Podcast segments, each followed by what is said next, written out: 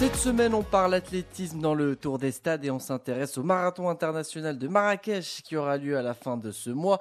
Programmé le 27 janvier, la 30e édition promet d'être très relevée avec un plateau comprenant les meilleurs.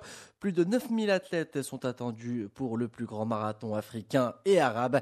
Pour nous parler de cet événement historique, Mohamed Leknidri, directeur du marathon, notre invité de ce tour des stades revient d'abord sur l'origine et l'histoire de ce marathon. Le marathon de Marrakech a été donc créé en 1900 87 par l'association Le Grand Atlas et donc euh, il a été organisé donc plusieurs années par l'association puis après il a été cédé donc à la Fédération royale marocaine d'athlétisme pour quelques éditions. Il s'est arrêté en 98 en raison du championnat du monde de cross-country où les Marocains avaient eu la médaille d'or pour les filles et la médaille d'argent pour les garçons. C'est un résultat exceptionnel qu'on n'a jamais eu après. Et puis donc nous en tant qu'association Le Grand Atlas, nous l'avons repris en 2002. Et puis nous avons continué à l'organiser et en faire un marathon international de haute facture. Si on peut résumer l'historique de cette euh, épreuve, de 87 à 96, les éditions ont été euh, souvent menées par des gagnés par des étrangers, avec euh, évidemment un chrono à l'époque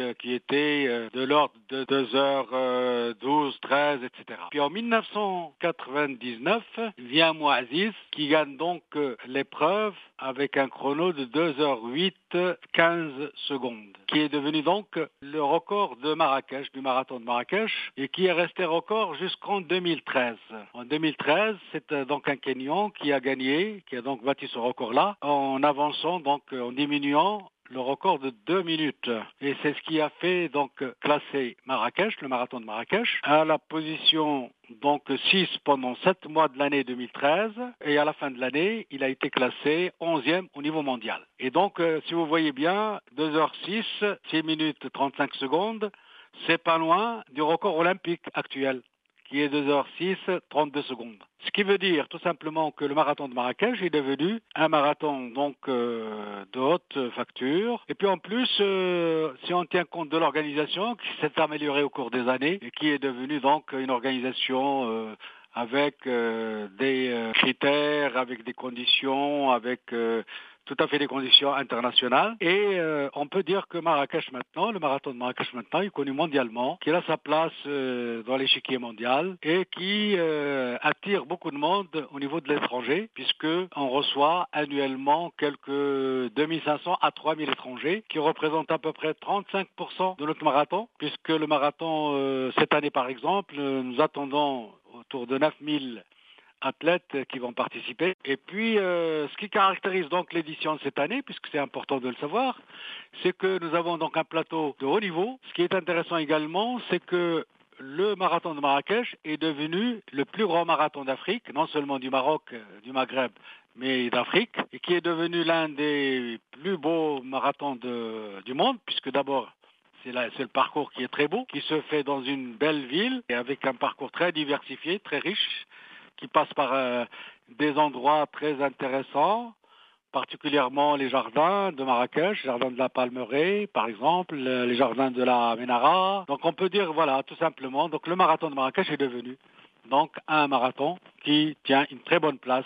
dans l'échiquier mondial des marathons. L'album euh, Souvenir, en quelque sorte, euh, de Marrakech est riche en termes de euh, souvenirs, performances et records, ce qui lui vaut actuellement la place de numéro un en Afrique et dans le monde arabe.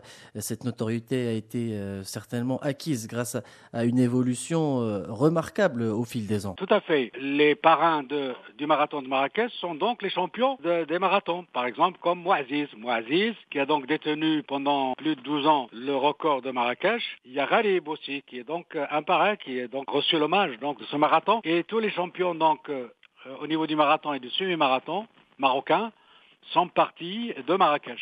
Marrakech est devenu, avec donc l'organisation, tout cela a fait que Marrakech est devenu une vraie école pour le lancement des champions en marathon et semi-marathon. L'organisation, il compte aussi, mais il y a aussi la participation des conseils élus qui participent euh, utilement à la réussite de cette épreuve. Il y a aussi les autorités. Les autorités nous ont beaucoup aidés. Cet intérêt qu'accordent, euh, disons, toutes les, tous les gens donc de la ville et de la région de Marrakech, nous euh, allons non seulement on a fait de ce marathon ce qu'il a été, mais nous allons en faire donc un marathon qui deviendra de plus en plus grand, qui aura de plus en plus de notoriété. Le rendez-vous est donc pris pour le dimanche 27 janvier à Marrakech. À noter que cet événement sportif a également reçu le label qui lui permet d'être qualifiant pour le championnat du monde en 2019 à Doha au Qatar, mais également aux Jeux Olympiques de Tokyo en 2020.